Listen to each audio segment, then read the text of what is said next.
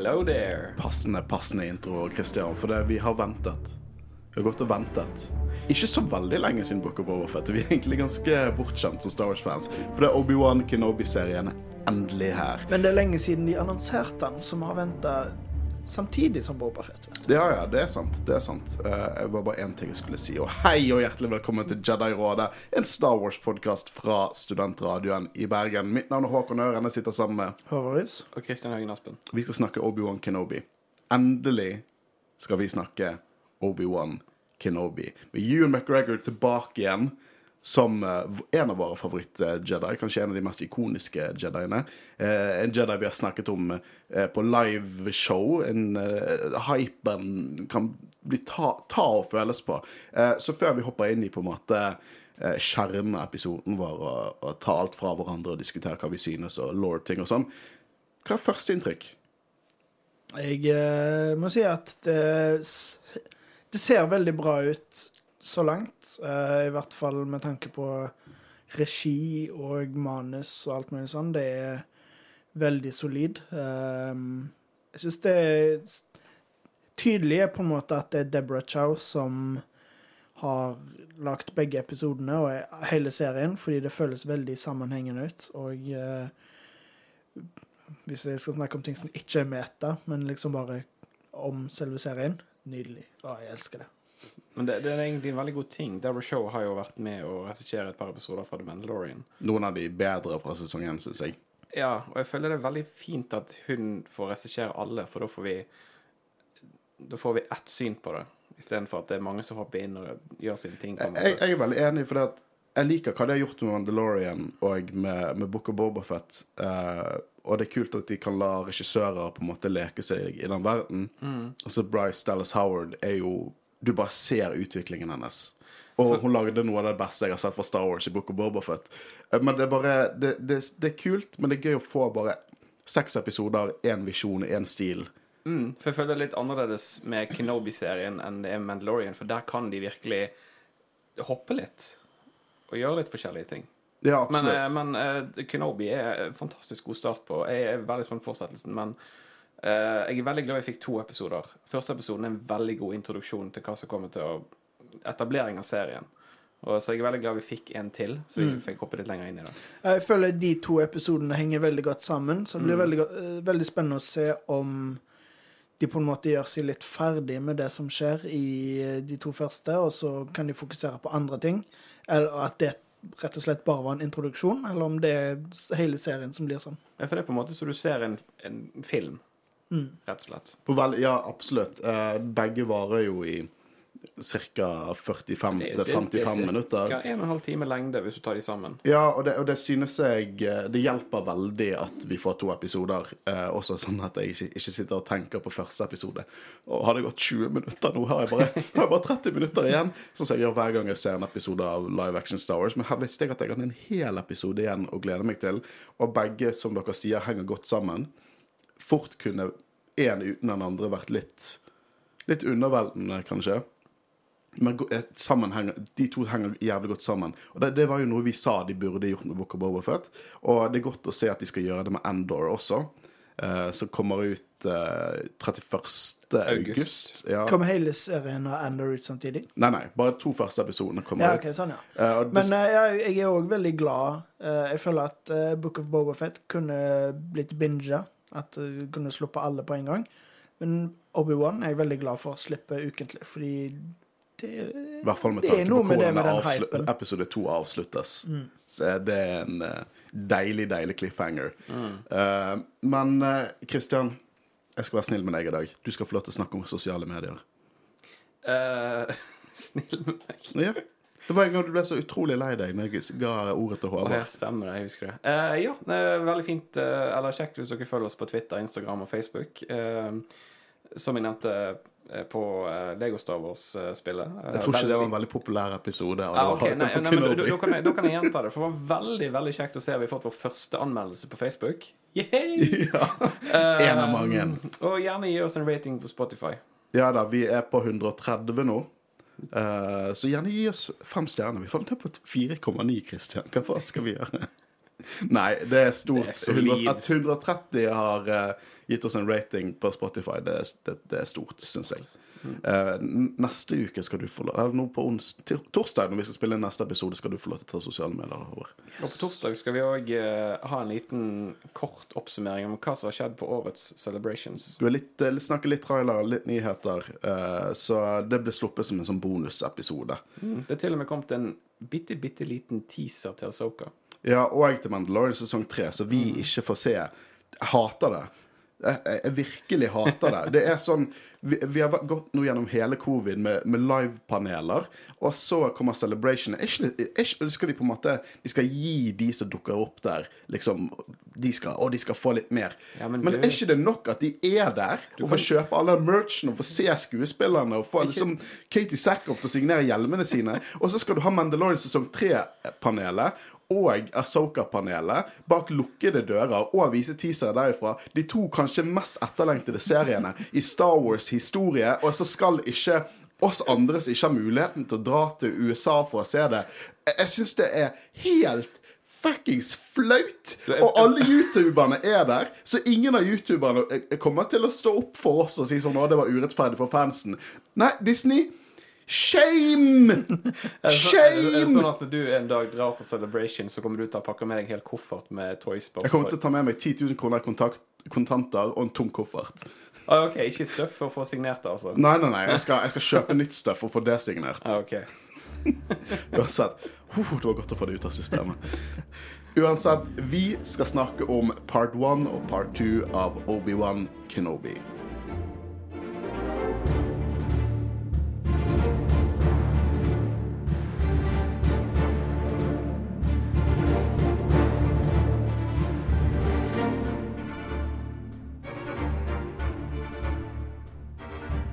Så det første jeg hang meg fast i, var jo ikke engang i serien. Det var den prequel-recapen. Jeg syns den var fin. Veldig fin. Veldig flott og god recap av hva som hadde skjedd. Det hjelper egentlig for de som på en måte ikke har sett uh, prequel-filmen. også. Ja, eller bare trenger å huske de. eh, Eller for en full Ja, istedenfor å se filmene, så får du en flott recap. Ja, og eh, det var på en måte noe som eh, jeg jeg regner med dere òg ikke nødvendigvis hadde trengt å se, fordi det var bokstavelig talt ingenting der jeg liksom tenkte Ah, stemmer. jeg husker jo alt. Men det var utrolig gøy å se, og for et litt annet blikk på prequel-filmene når de bare viser det som faktisk er bra, og Ja. ikke alt det andre. Ja, OK, men jeg må si at jeg savnet ett ting i den recapen. Det var Jar Jar.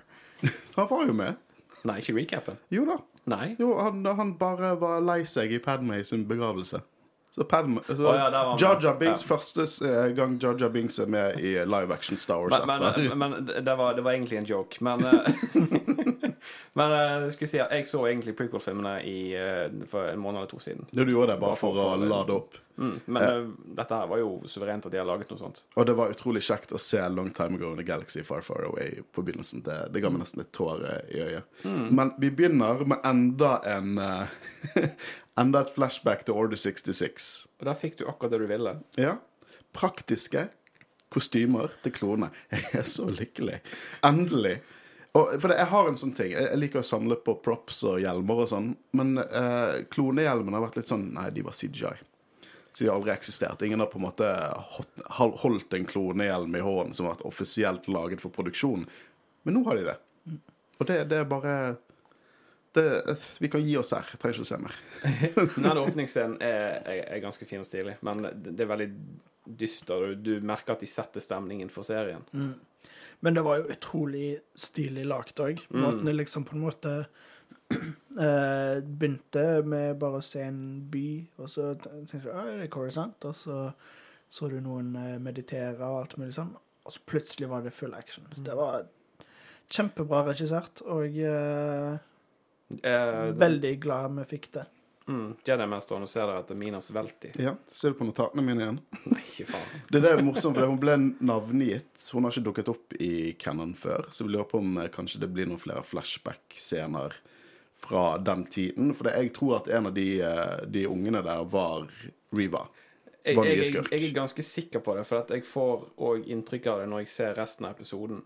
Eh, Ja, og- og, egentlig begge episodene. For Vi skal jo snakke litt om hennes motivasjon og hva hun ønsker. Det er en av, The Third Sister, en av de nye inquisitorene vi ser i denne serien. Så ja, jeg jeg er eh, temmelig sikker på at en av de ungene er Reva. Og hun er jo spilt av Moses Ingram når vi møtte henne i voksen alder. Eh, men eh, det, er jo hun òg Altså, et av de første eh, hintene du får, er jo det er jo hun du får fokus på av de younglingsene. I tillegg til at det er hun som sier Hun som har replikk i den scenen 'We need to run'. Ja. Så det er masse sånne hint som får meg til å tenke på at ja, det virker som de vil lage en bakgrunnshistorie for dette her er Reaver. ja, jeg er helt enig. uh, og jeg, jeg er veldig spent på hva motivasjonen hennes er. Men da, selv om det er kanskje litt rart å snakke om sånn, siden det bare fortsatt er spekulering, men hvordan blir Inquisitors Inquisitors? Eh, Her er det noen som ikke har spilt Jedi Fallen Order her. ja, men eh, Hadde hun rømt, kom seg unna, så ble fanga, eller gikk de på Jedi-tempelet og liksom fant younglings for å gjøre dem om til Inquisitors? Jeg tror de, de, Prioriteringen når de gikk inn i Jedi-tempelet, var nok å drepe de, drepe de fleste med, med, med lightsaber. Uh, men i ettertid så drev jo de og jaktet på de, og de eh, lagde Purge Troopers, som i første omgang eh, var siste generasjon av kloner. Eh, The Grand Inquisitor og enkelte Jedi som bare allerede var veldig uenige med hvordan Jediene fungerte under republikken. De bare egentlig ble med ganske fort. Eh, men så var jo det mye Det var jo fengselet under Nur, eh, som er på en måte Fortress Inquisitorius på vannmånen nær Mustafar, som du får se mye av i Jedi Fallen Order. Eh, der driver de og kid de, eh, finner de, torturerer de, hjernevasker de, gjør de om til Inquisitors.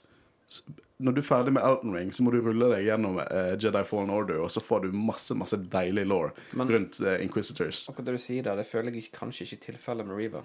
Kanskje ikke. Jeg tror det er litt annerledes der. Men det, det, det kan Vi, vi det skal vi absolutt gå inn på, for det er noen dypere motivasjoner der enn en alminnelig inquisitor. Um, men vi, det er ti år etter New Hope. Uh, vi begynner på Tatooine. En sånn meme på Reddit om at faen Disney får faen med valutaen sin ut av Tatooine-settet. men allikevel er det en litt annen fil her. Det føles ikke Det føles litt Jeg vet ikke om de bruker et annet filter, og så er det litt mer håndholdt kamera, tror jeg. For det føles litt mer kaotisk ut. Litt mer dyster stemning. Mm. Jeg har i hvert fall lyst til å sammenligne det med Book of Bobafett. Um, men eh, det er jo òg teknisk sett to forskjellige byer, er ikke det? Jo, jeg lurer på om dette er Anchorhead. Jeg er litt usikker. Eh, Jeg tror det er Anchorhead. Um, for jeg tror ikke dette var Spaceporten. Uh, men jeg vet Anchorhead i hvert fall var med i episoden. Men jeg, de sa aldri De kalte det The Town, og jeg vet at Anchorhead ble vist. Eh, men jeg tror Jeg lurer på om det er Anchorhead. Men det kan hende jeg tar helt feil her. Uh, men vi får se det nye Inquisitor-skipet. En eh, site som er dyster navn på skipet. Men det minner meg veldig om Krennic sitt skip, med litt mindre vinger. Jeg syns det var veldig kult design. Uh, og så må vi snakke om det vi alle har Det som har vært mest omdiskutert opp til denne serien. Og det er The Grand Inquisitor. Hva synes vi når vi ser den i action? Jeg eh, synes han var en pompøs jævel, og eh, veldig passende. Veldig bra spilt av Rupert uh, Friend, er det det han heter? Ja, ja, eh, ja. ja, ja. Um, jeg bare kjøper han som en uh, arrogant drittsekk. Ja. Pompøs Imperial er bare dark side. Uh, Og Altså, du- du- jeg har aldri brydd meg om hodestørrelsen hans. Det, men hodestørrelsen Ja, var altså, litt mer rasen har jo blitt introdusert i Revenge of the Sith, Mm. uh, men uh, selvfølgelig, alle kan jo ha forskjellige fasonger. Eh, så, eh, ja, Nå må ikke du være diskriminerende med de stakkars powers som har nei, runde nei, hoder. men eh, eh, når jeg fikk et mer helhetlig inntrykk av han nå du ser liksom at det er mye som matcher. Altså Hadde han ikke hatt de spisse tennene, Eller de gule- hadde jeg klikket. Ja, men, og de gule øynene, for det var noe jeg Ja. eh, Men, var irritert men, irritert eh, over men- i traileren. Hun har gule øyne, akkurat sånn som i eh, Rebels. Ja, men jeg liker at de på en måte har i hvert fall brydd seg litt om detaljene. Men, Ja eh, men eh, han var intimidating. Ja, og Og jeg han- liker hvor Han er jo i forhold til Rebels um, ganske lik i måten han er på eh, å prate. Ja. Han er veldig rolig og kontrollert, blir dratt rett inn hver gang Ja. han snakker på den talen sin om sånn der The Jedi code is like an itch. Jeg bare synes Å, å, han er så jævlig imperial. Mm. Og begynner å snakke om at de, de klarer ikke å la være å være gode. Men hva syns du, da? Jeg, jeg er veldig fornøyd. Eh, Jeg er veldig fornøyd med han. Også personligheten. Jeg kan ikke bry meg om at han ikke har sett Rebels. I don't care. For at eh, nå har showrunnerne og de som har skrevet karakteren for serien, de har gjort jobben sin. Hovedsakelig er det viktig at det er de som gjør jobben sin, ikke nødvendigvis skuespilleren som gjør uh, researchingen sin, selv om det er veldig stilig at Hayden Christiansen har sett alt av Clone Wars og Rebels. Det syns jeg er veldig glad for å høre. Men han, uh, han oser The Grand Inquisitor, syns jeg, og den talen hans i den lille salongen Du får frysninger av det. Ja da. Jeg synes det det, er dritfett. jeg, jeg kjøper det. Vi får også se The Fifth Brother, poteten sjøl. Kanskje han blir litt eh, mer søtpotet i løpet av denne serien. Han virker jo litt mer eh, Hva skal vi si oppegående. Ja, han Jeg er litt uenig med castingen, men eh, Ja, det, det er noen Men det er jo han, er jo han som er castet Nå har ikke jeg sett Fast and the Furious, men visstnok er en ganske elsket skuespiller fra Jeg den beklager hvis jeg uttaler navnet hans feil, men Sung Kang? Ja, ja, ja. Eh, men jeg, Er det han som spiller han? Ja, han spiller han i Fast and the Furious. Ja, så jeg tror Det, det, eh, det er veldig artig òg, for i Fast and Furious-filmen Tokyo Drift så har jo, eh, er det jo et Star Wars-referanse òg, der han eh, viser et falsk ID, hvis jeg ikke husker helt feil, der det står Han Solo.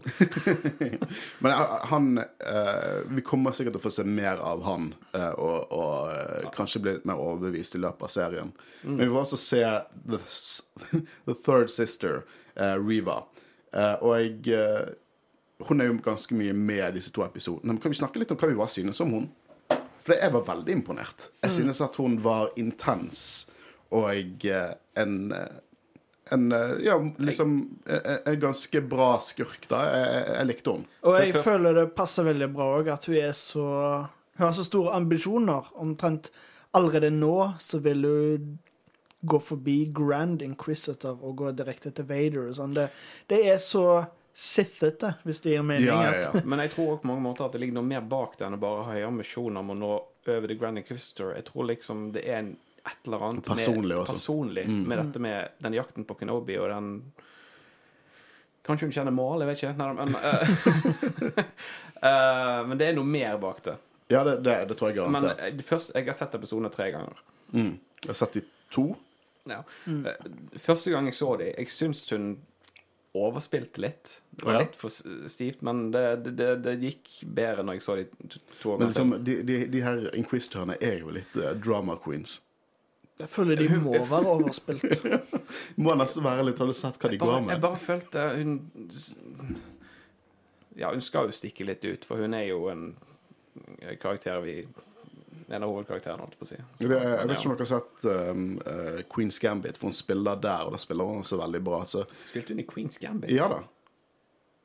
Jeg tror hun spilte hun venninnen til hovedpersonen for barnehjemmet. Åh! Ja. Men uh, Nå er det en stund siden jeg har sett det. Jeg tror det var den karakteren hun spilte. Men uh, jeg, eh, jeg, jeg, tror, jeg, tror vi kommer til å få noen ganske kule scener med hun serien, også senere i serien. Og vi får det i store episoder. Men, uh, men god skuespiller. Jeg skal, Ja, ikke, skal ikke, skal ikke klage på henne. Nei, jeg, will watch her career with great interest. Men også det Håvard sier, hvordan det er veldig sithy. Det er stor pissekonkurranse der alle prøver å backstabbe hverandre, bokstavelig talt, mm. for å på en måte nå opp i hierarkiet. Eh, og jeg, eh, hun er veldig trigger-happy. De finner en uh, Jedien der. En ganske kul scene der de Hun kaster en kniv med The Force, og så må Jedien stoppe det. Eh, og jeg, eh, hun prøver å drepe han, og Inquisitor blir dritforbanna fordi at Hva faen er det du holder på med? Og hun er ute etter Kenobi. Hun, dette, her er, dette her er småfisk. Hun er ute etter den svære. Og jeg, eh, de andre virker egentlig bare sånn Nei, han er vekke. Ro deg ned. Og jeg fikk inntrykk av når jeg hørte Granny Christor, at det, det var ikke deres jobb å finne Kenobi. Kenobi var ikke vår. Det var ikke, jeg tolket det som at de har jaktet på Jedi nå i ti år, og de begynner å rett og slett gå tom for dem. At, at dette er det de har, liksom. Ja, Men nå, jeg, jeg, jeg, jeg er enig med deg, Kristian. Så jeg tror, spesielt siden det vi får vite når Reva snakker med Obi-Wan senere, så sier liksom at Vader har Jeg, jeg tror nok Vader jakter etter Kenobi sjøl. At det er Mm. på en måte han. Vi kan snakke litt om Vader nå, da, på dette tidspunktet i universet. På dette tidspunktet er jo Vader Vader er fortsatt uh, Han har ikke sluppet taket i det hele tatt. Han, uh, han er fortsatt veldig Du må være ganske bitter når du er Darkside-bruker. Men han har ikke sluppet taket. Padme er ferskt i hodet hans. Obi-Wan er ferskt i hodet hans. Eh, han har på dette tidspunktet kjører veldig sitt eget spill her. Ikke noe fan av Palpatine. Eh, gjør mye ting i bak, eh, på bak, eh, bak hans eh, Palpatine sine øyne. Og eh, han leder jo The Inquisitorius. Han er the big boss av The Inquisitors. Og det passer jo veldig godt at han fortsatt at han leter intenst etter Obi-Wan eh, på dette tidspunktet. Det er Det er på en måte Han er totalt dar dark side, men jeg tror at det er ting fra Anakin Skywalker som fortsatt skimter gjennom der. Det er det vi kommer til å se fra Hayden Christensen. Ja, og jeg gleder meg så sykt til det. uh, men nå får vi se en litt langt ut i episoden, egentlig. Vi ser se Ewan McGregor som Kenobi, og det var så kjekt å se han som Obi-Wan. Og Så var han bare en skitten fishmonger. Ja, for her må jeg si Når, når, jeg, når jeg så den scenen, og du får liksom overblikket, og du ser det store vesenet, skapningen som ligger der Er det en space whale? Jeg tenkte Jeg skrek først Is, Fucking Pergil? Nei, det var ikke Pergil, men eh, det var, det var noe, en hval. Jeg vet ikke hvordan han Ja. landet der, men, eh, Men, men jeg godet meg fram til at det, det var ikke det. Men det hadde vært veldig kult hvis det faktisk var Men uh, Bale Organa nevner Purgle i en av disse episodene. Ja. Så Space Whales er godt re referert til i disse episodene. Men vet vi nøyaktig hva det er? Nei, vi vet ikke hva det er ennå. Uh, men jeg, jeg tror det, de, de, mange av beistene som de navngir i denne episoden, mange av planetene, er helt nye. Det er liksom det, det, det Universet bare utvider seg. Det er nesten som vårt univers. Det er bare uendelig, og så utvider det seg fortsatt. Mm. Uh, men uh, så han, jobb, han jobber en drittjobb. Liker Gonk Droyton som betaler uh, ut pengene, lønnen, etter hver, hvert skift. Og du merker at han er nede, og Ewan spiller det så jævlig bra. Hvordan uh, han der Foreman der ikke betaler riktig til en fyr og er truende, og så ser du at noe i han sier at han, han skal bryte inn, for han ser, uh, han ser urettferdighet, men han bare våger ikke. Han får det ikke til. Jeg liker jo veldig godt at uh, de repeterer dette. De viser liksom eh, hverdagen til Kenobi nå. Mm. For det går på repeat. Altså, han går på jobb, han går hjem. Ja, og jeg syns det er det, men Ewan McGregor vet, Star Wars fortjener ikke en så god skuespiller. Han er Det er så god. Og, eh, og musikken For det, jeg, vi elsker Book of Bobafett-musikken og Mando-musikken, Mm. men det er så digg å høre litt mer John Williams i Og det, og det syns jeg eh, var veldig forfriskende òg, for det, at det er ikke det, det er helt nytt, føler jeg. Eller ikke helt nytt, men det, musikken er veldig forfriskende fra, fra eh, det han har produsert tidligere. Ja, for det, han har produsert main-themet, og så har og det burde jeg researchet, så har noen andre på en måte implementert Adaptert det videre til å dekke hele serien. Men det, det oser John Williams. Og det er sånn, jeg, jeg hører hint av sånn Ikke direkte, men bare noe som Det minner. Det er som smak som sånn race-theme. Eh, no, I hvert fall eh, på disse togscenene når han er på en måte på vei inn til byen igjen. Eh, så jeg synes at Jeg synes at musikken var det, det, det, det, det føltes som en Star Wars-film. Som en sagafilm. Som jeg vil si at dette er den nærmeste serien vi har hatt så langt, som er en sagafilmserie.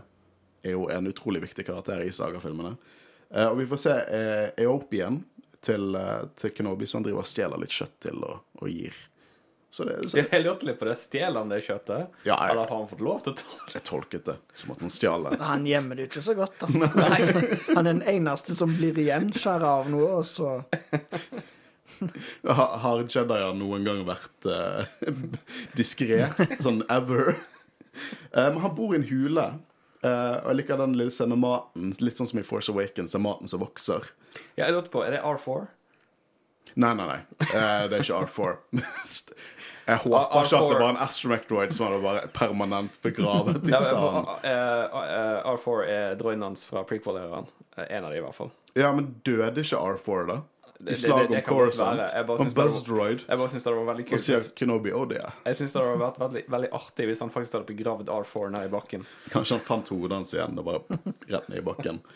Uh, så nå begynner han liksom å snakke for første gang, for han driver og interagerer med en sånn Housecall Jawa som kommer innom for å selge en ting. Eh, Tika, er det det? Tika, ja. Som klager over at han lukter så dårlig, og har visst stjålet stjålet ting fra han som skal selge igjen. Og da, da bare Det er, det er Obi-Wan Kenobi prequels perfekt liksom i trans transition til å bli Alec McGinnis. Det, Det, det er en av de tingene jeg digger òg med denne serien. Uh, Alec McGinnis, Alec Guinness. Alec Guinness. Men det er en ting jeg elsker uh, med begynnelsen av serien, og jeg håper òg resten følger etter, er at du ser stemningen de har satt, eh, og den dystre og mørke tiden som nå er Jedi bejaktet. Allikevel så greier de å få den eh, glimtet med smil til oss som ser på, med disse små, flotte, eh, morsomme Ja, Tingene. eh, ja, litt sånn callbacks og litt sånn Ja. det, Nei, men og med javaene. Altså, jeg lo når han sa at eh, I need to feed the whole tribe, liksom. Og eh, hvis du skal selge meg ting du stjeler for meg, kan du i hvert fall vaske de, og så vaske koster ekstra.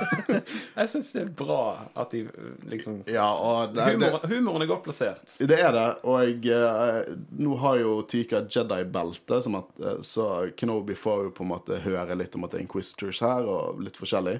Eh, om natten har han mareritt om Anakin og Quaigon, og det det flashbacks til prequel-trilogien. Og han prøver å calle ut til Quaigon. Og Og hvis faen får vi se han i løpet av denne serien. Jeg, vet du hva nettopp som vi eh, sagt på Celebration?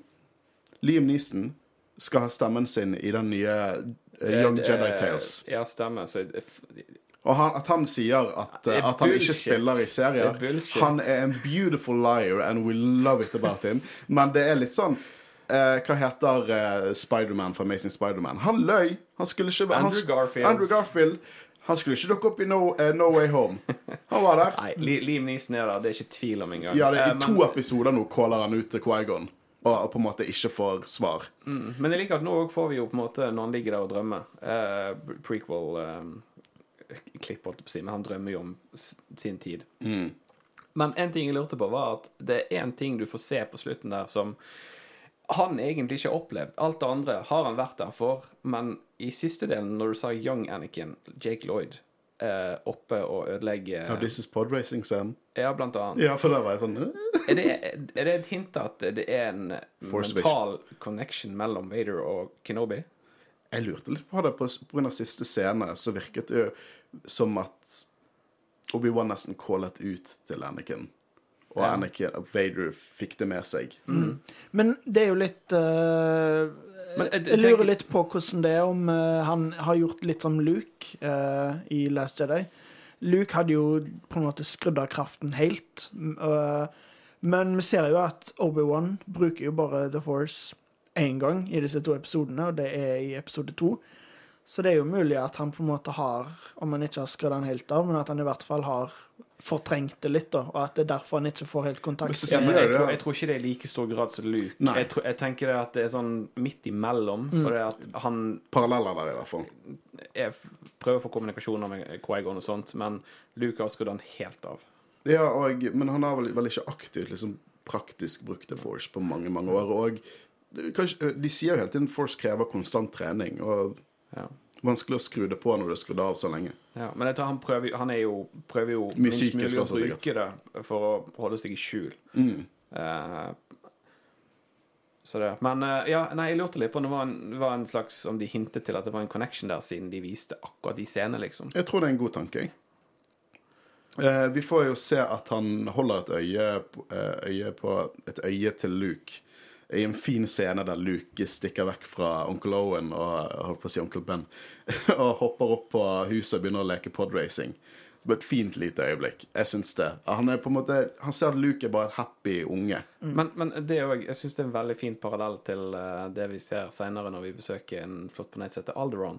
Uh, for du ser mye likheter mellom Leia og Luke, og det elsker at de har gjort, med at de på en måte prøver å rømme seg vekk. De prøver å kose seg, ha det gøy, klatre høyt. Um, Bortsett fra og at de er veldig interessert i skip, eksempel. Altså, det er en slettet scene fra New Hope der Luke eh, ser på stjernekrig eh, oppe i luften. Ja, det skulle være første. Så istedenfor stjernekamp, så er det bare Luke som ser på en kikkert opp, og så ser du masse flashes. Så jeg elsker at de viser mye likheter mellom de to.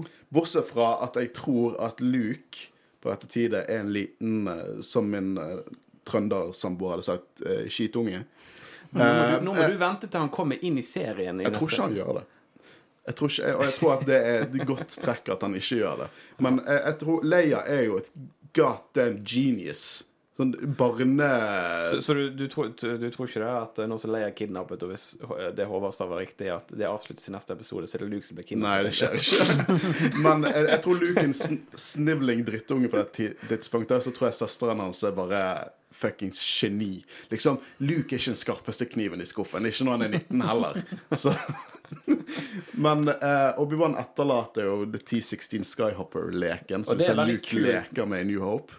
Leser du notatene mine, eller? Jeg tror du leser mine. Nei. Og det er jo så fint. Allerede nå kan vi gå tilbake igjen og se New Hope, og bare ah, Be- Ben Kenobi ga han den leken. Ja. Og bare med nye øyne. Jeg elsker Star Wars. Flotte easter eggs. Eh, så på vei hjem så får han kontakt eh, fra, fra eh, en Jedi. Jedien som vi så løpte vekk i introsekvensen, altså Nari. Spilt av Benny Safdie. Han er regissør, sant? Ja, han og broren har lagd uh, Uncut Gems og uh, Good Time, uh, som er Det nærmeste Adam Sandler har vært Star Wars. Men det var jo på en måte Du ser hvor langt nede i eh, Nei, Obi- Ewan. Obi-Wan er. her. Bare you're mistaken. Jeg er ikke Obi-Wan, jeg er Ben. Og jeg lurer på litt om at det er kun Lars-familien som vet at han heter Ben. Eller kaller han Ben Kenobi, det tror jeg. Jeg tror alle andre kaller han Ben. Eh, for det er et utrolig dårlig dekknavn. Bare endre fornavnet sitt. Men uh, han sier at vi tapte. Eller er det et veldig godt dekknavn? Ja, sant.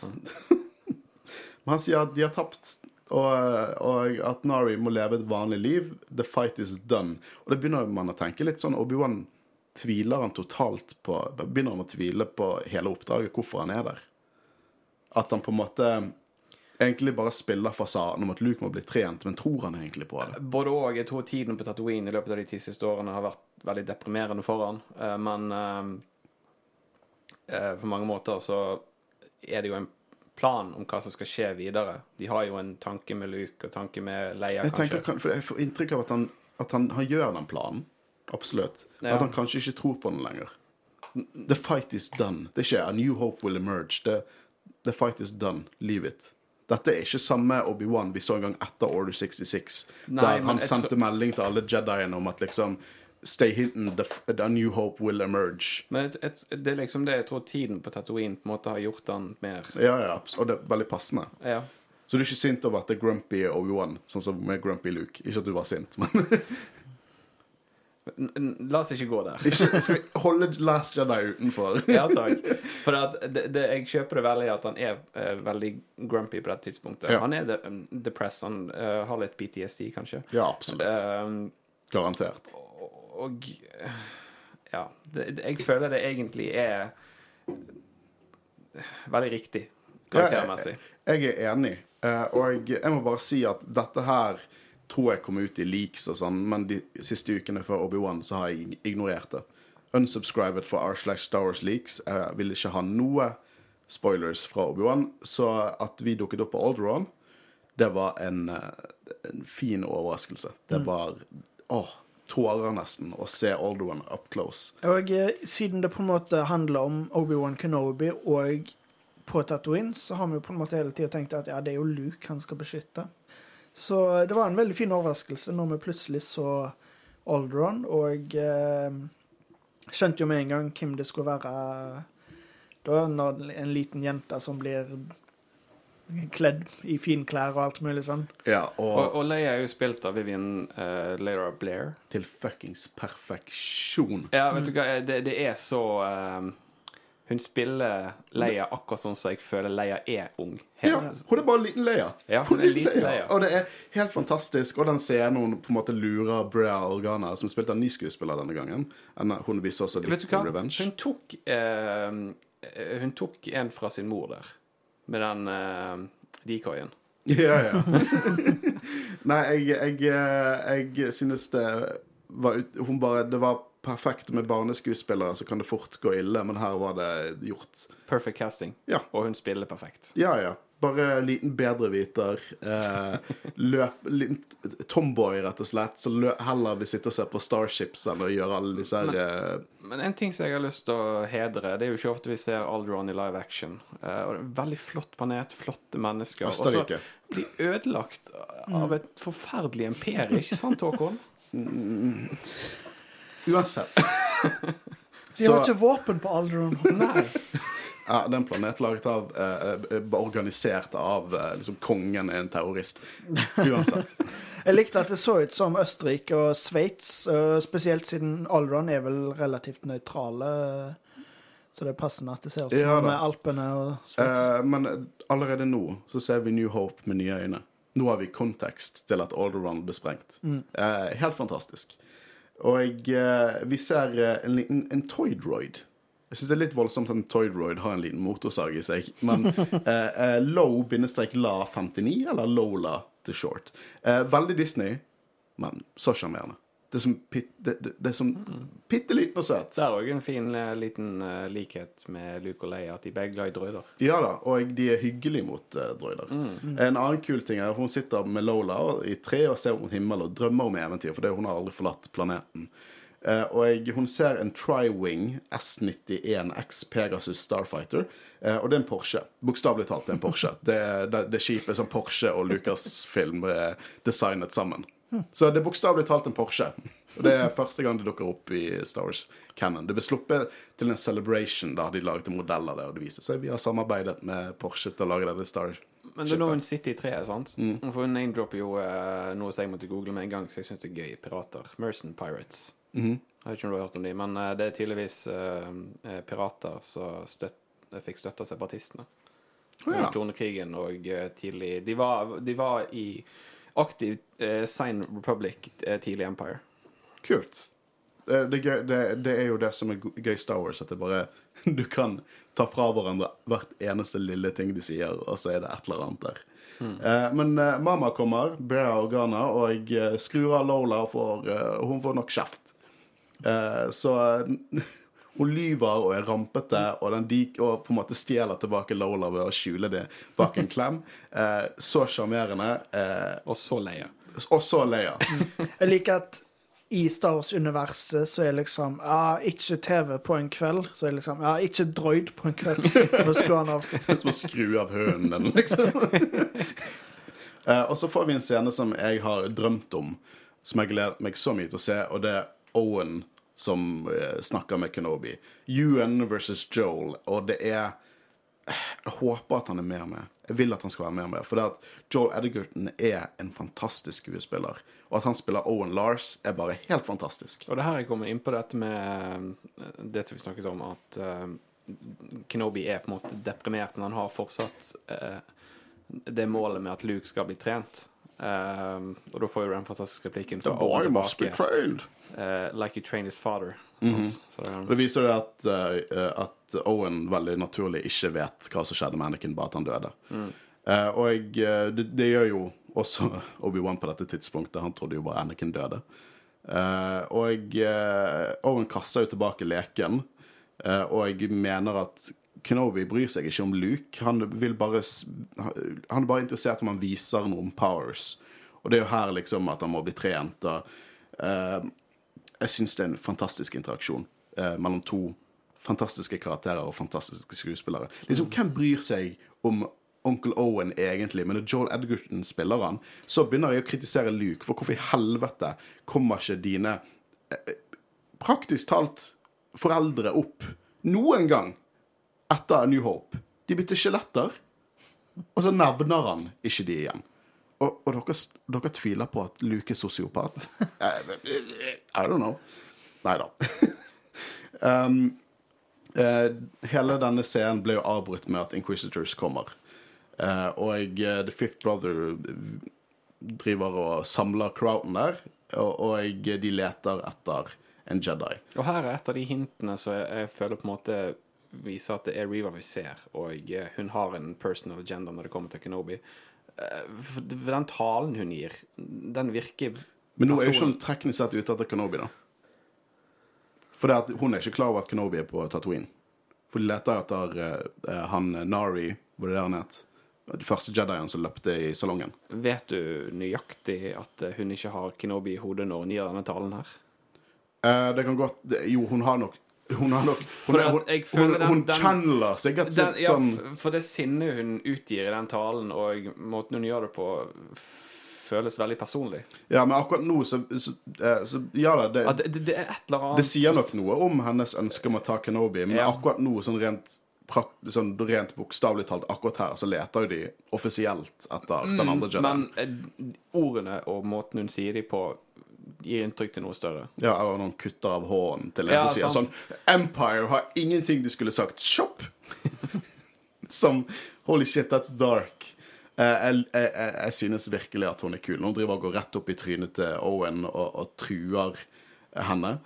Og det er nesten sånn Veldig tilfeldig at hun valgte han, da. Ja, men det er nesten sånn at jeg tror at onkel Owen kunne klart å kicke assen til en Inquisitor, hvordan han sånn skoffer tilbake. Men hun driver jo og truer Owen og familien hans, og eh, at de, hun skal drepe dem hvis ikke, hvis ikke noen forteller hvordan Jedien er, og Obi-Wan står og på en måte man er usikker på om han skal interagere eller skal gjøre noe. Man vet jo ikke helt om han hadde faktisk gjort noe. Eh, men så kommer Fifth Brother, som er litt mer diplomatisk, og sier sånn OK, OK, OK. Eh, Penger til de som finner Jedi. Her. Bearbeid. Og det er jo her vi ser at det er mye uenigheter innad Inquisitorius. Eh, hvordan eh, poteten, eller Fifth Brother, sier at Kenobi er long gone, og eh, det er her vi får litt innblikk for hva du er ute etter, hvilke ambisjoner du er ute etter for å drepe Kenobi, og så sier hun 'det som skyldes meg'. Og da begynner man å tenke. Er det noe eh, minner fra når hun var Jedi? Er det en samarbeid med Vader? Er det, er det rett og slett for å imponere Vader? Som aldri slår bra ut. Når noen innad Empire prøver å imponere Vader, så går det aldri fuckings bra. De Det ender opp død. Det hadde vært interessant, siden vi får vite senere at uh, hun vet at Anakin er Vader. Og hvis det viser seg at det er hun som var på uh, Jedi-tempelet uh, i begynnelsen, og at Det hadde vært interessant å se om hun har en interaksjon med Anakin der, om det er på en måte sånn hun redder seg sjøl med å bli en inquisitor. eller Jeg lurer på om vi, vi kan ta det rett der og da. Eh, Vi kan, vi kan vente til da, men, jeg, nei, men eh, siden du tok det opp nå. Hun vet at Anakin er Vader. Ja, det er jo en, hvordan vet hun det? For det er ikke common knowledge. Uh, Thrawn og Tarkin uoffisielt vet det, for det er ikke faen om de tør å si det direkte til Vader. Uh, alle de andre som er litt klar over det, blir drept kort tid etterpå. Så er hvordan... Thrawn eller mistenker det? Thrawn, er, eh, Thrawn og Tarkin er bare så jævlig smarte at de vet det. De Lex Luthor, liksom. De bare vet at eh, Clark Kent er Supermann. Det er de, de bare gjør det. Men, men, eh, og de på en måte jobbet jo med Anakin og var egentlig hadde ganske gode venner med Anakin, så de på en måte kjenner jo igjen. Men Men ja, Reeva vet at eh, Anakin er waiter, som er egentlig litt surprising. Veldig eh, Det er sikkert en grunn for det. Det er ikke common knowledge i det hele tatt. Og jeg, Det kan godt hende jeg tar feil, men jeg tror ikke at det var alle- common knowledge innad Inquisitorial. Nei, det tviler jeg på. Så enten en eller annen interaksjon før han ble Vader, og der hun ser Eller før han tok på drakten og var Vader, da. Og det kan jo på en måte mange være at vi får um, flashback til. Ja, Uh, for jeg, jeg, lurer, lurer på om vi kommer til å få flere flashbacks. Mm. Uh, men det er utrolig interessant. Eh, og det er perfekt måte til å få Star Wars-fans til å bare sånn oh, Hva skjer neste gang? Uh, det, jeg syns det det, er spennende. det er det jeg òg tror, at vi får et lite flashback som viser Altså, jeg, jeg tror det er mer enn ambisjoner om å nå høyt for med henne og Kenobi. Selv om det faktisk Mm. Det kan er, Det. Mm. er selvfølgelig ambisjoner, det, det tviler jeg ikke på, men jeg får inntrykk av at det er noe mer der. Ja, hvis ikke det- OK, men uh, jeg, jeg tror det, jeg òg. Men jeg skal ikke utelukke at det kan være en Inquisitor som har lyst til å være mer enn Sith. Og imponere sin mester. Ja, Ikke det at hun kommer til å klare det, eller det lar seg gjøre, for det, du har Papa Palpatine på toppen, men Ja. uh, det kan jo være det. Men uh, Det er veldig spennende å se, i hvert fall. absolutt. Og uh, either way så kommer jeg til å være happy. Om det er mer personlig, eller det er mer sånn Ja. jeg vil bli større, så, så kommer jeg til å være happy for det, for det er veldig inquisitor av hun.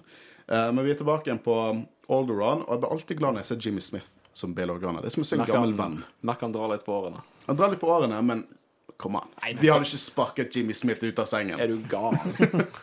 Men å, det er så gøy å se han som Bale Organa. Jeg elsker han som Bale Organa, og jeg elsker at han dukker opp her. Og jeg elsker hvordan det, det er for han hun får spiriten sin, og det lille sånn buddy-forholdet han har med, med Leia, og det lille søte pinky vennetegnet de har.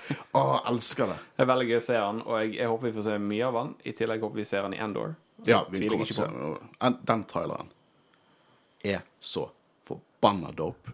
Jeg kommer ikke over den traileren til Endor. Jeg tror det er den serien jeg gleder meg mest til. Av alle Star Wars-serier så det er Endor jeg gleder meg mest til. Den, den serien er den alle undervurderer, om den kommer til å overraske. Akkurat som Rogue One. Alle ville se episode åtte når Rogue One var annonsert. Nei, Rogue One. Eh, min- etter min mening den beste Star Wars-filmen laget av Disney. Fortsatt. Eh, men vi hopper videre. Beklager. R2D2 og C3PO er her, som er jo også veldig passende. De tar ikke så mye plass, men vi, vi ser, eh, ser de begge. Hører i hvert fall C3PO. Og Anthony Daniels er, tilbake. Ja da. Eh, veldig liten scene. Det er de, de er mer til stede i Rogue One enn de er her, der det faktisk passer at Jeg, de jeg, jeg glemte forresten å si Vivian Lira Blair, som spiller Leia. hun var jenten i Birdbox. I hvilken? Birdbox med Å ja! Er det Å ja, shit. Ja, ja, ja. Visst faen var han det. Birdbox, ja. Det var en ganske kul film. Ja. Har du sett den? Nei. Nei, vi kan snakke mer om Obi-Wan. Selv om Sandra Bullock er en skatt. Men eh, så eh, De har jo på en måte eh, Det skal være en, en, en, en, en besøk med familien til Brea Organa. Og eh, Bale har litt foreshadowing til litt opprørske tanker og snakker om eh, de, Det er fortsatt slave labor som må håndteres. Det, det er skatt i Outer Rim. Så får meg til å lure litt på Så tidligere i episoden så var det noen på Tatooine som sier liksom Empire har ikke liksom de har ikke kontroll over Tatooine, så de har egentlig ingenting de skulle sagt der. Og de har sikkert ikke kontroll generelt i Outer Rim, så de eier det ikke. Men de, de, de ber de skatte for det. Det er litt shady. Empire er Er Empire the bad guys? ha. Um, uh, men uh, fett eh, Det er liksom Er det broren til søs, søsteren Nei, konen, da. Som sier er liksom pompøs. Og si det til Senatet. Og vi kommer til å se Senatet i Endor-serien. Å, gleder meg. Um, det er jo her vi får en ganske fet interaksjon mellom eh, Leia og fetteren sin. Eh, og han er frekk mot droider og sier at hun er ikke en ekte organa, og hun fuckings eier han. Tror dere at eh, hun brukte The Force her uten å vite det? Fordi det virker jo nesten som hun på en måte Kanskje ikke akkurat mm, bokstavelig talt leste tankene, men i hvert fall leste han, da. Jeg tror absolutt du er inne på noe. For det er, handler ulike force-evner, og eh, de kommer jo fram ganske tidlig. Og jeg tror ikke hun vet at hun brukte The Force, eller aktivt brukte The Force, men jeg tror hun kan lese folk veldig enkelt, og delvis av hennes evner i The Force. Ja, jeg, jeg liker det. Altså, jeg tenkte i utgangspunktet bare det at hun er hun er god til å lese folk, sånn generelt. Men Ja, at, at det er kraften involvert, Ja. Miks av begge deler, liksom. Mm, yeah. uh, hun hadde sikkert gjort mindre skade hvis hun slo han fetteren i trynet. Uh, det, det, det var bare en awesome scene, og hun får selvfølgelig kjeft av det og må unnskylde, men det hun gjør, er at hun, hun, hun, hun løper ut i skogen. Og det har vi får den søte lille håndavtrykket hun har med faren sin. Det er så godt å se uh, liksom Bale Organa er jo en karakter som ikke ble nevnt i originaltrilogien, men har blitt en utrolig viktig karakter i Star's Wars Canon, en viktig karakter for Leia. Og det er så flott å se liksom faren til Leia. For det, det er faren til Leia. Han sier Jeg liker det. veldig godt uh, når hun For hun ble jo tydeligvis eh, naturligvis lei seg når uh, hun ble kalt uh, sånn ikke en ekte organa. Og i det øyeblikket når Bale sier liksom Hva er det du snakker om? Selvfølgelig er du en ekte organer. Jeg elsker også kunne han sier organer. Det er akkurat som Jimmy Smith er den eneste på planeten som klarer å si organer. Det er sånn Organer. Det er, det er konge. Elsker Jimmy Smith. Uh, og plutselig dukker Red Hot Chili Pepper opp. ja, jeg skulle til det. Det var jo gøy cameo for deg, Håvard. Ja, og eh, det er tydelig at eh, Star Wars de liker bassister. Fordi i Book of Bobafett så fikk vi Thundercat, og eh, nå fikk vi Flea. Og eh, det var veldig gøy. Jeg, eh, jeg skal jo se både Red Hot Chili Peppers og Thundercat i sommer. Så Hvor er autografen til eh, Vektu Nok Nokru når du er der? tenk at jeg skal se to Star Wars-skuespillere i sommer. Ja, det er helt sinnssykt. Du, kan, du må lage en liten bonuspod når du kommer tilbake. Men her har jeg faktisk lyst til å gi litt kritikk. ja visst faen. For den, den chase-scenen her syns jeg de kunne gjort mye bedre. Noen av de pene som falt foran de dusørjegerne, kunne man bokstavelig talt gått framover, og så hadde de knukket i to. Så det- akkurat denne sekvensen her Jeg skal ikke klage for mye, men de kunne gjort det bedre. Ja, det er ikke et problem for meg i det hele tatt. Det er nitpicking. Men ja, denne chasen er litt løk. Det får meg litt å tenke på at de ikke lærte fra Vespa-greiene. Jeg tror de kunne filmet det litt annerledes. Ja. Hvis de hadde liksom Jeg vet ikke hva du syns. Um, jeg tenkte ikke så mye over det når jeg så han, men jeg så på Reddit etterpå at det var en del som sa liksom at Ja. Dette her var ikke Kanseller Deborah Chow! Men eh, ja, nei, jeg kunne ikke brydd meg mindre. Eh, jeg synes uh, Ja, det, det, de det, gjorde det er nitpicking, men jeg syns de kunne gjort det bedre. Men Litt, hvis jeg hadde litt mer krattete, litt mer skog og sånn, og sett at hun faktisk kunne Hun klatret og filmet det litt på en annen måte. Men du var inne på den pinnen. Altså, når hun det, det var liksom Nei, OK. Hva faen? du dusørjegerne som holder på den lille kvisten og bare sånn Å, jeg kommer ikke meg forbi her. Herregud.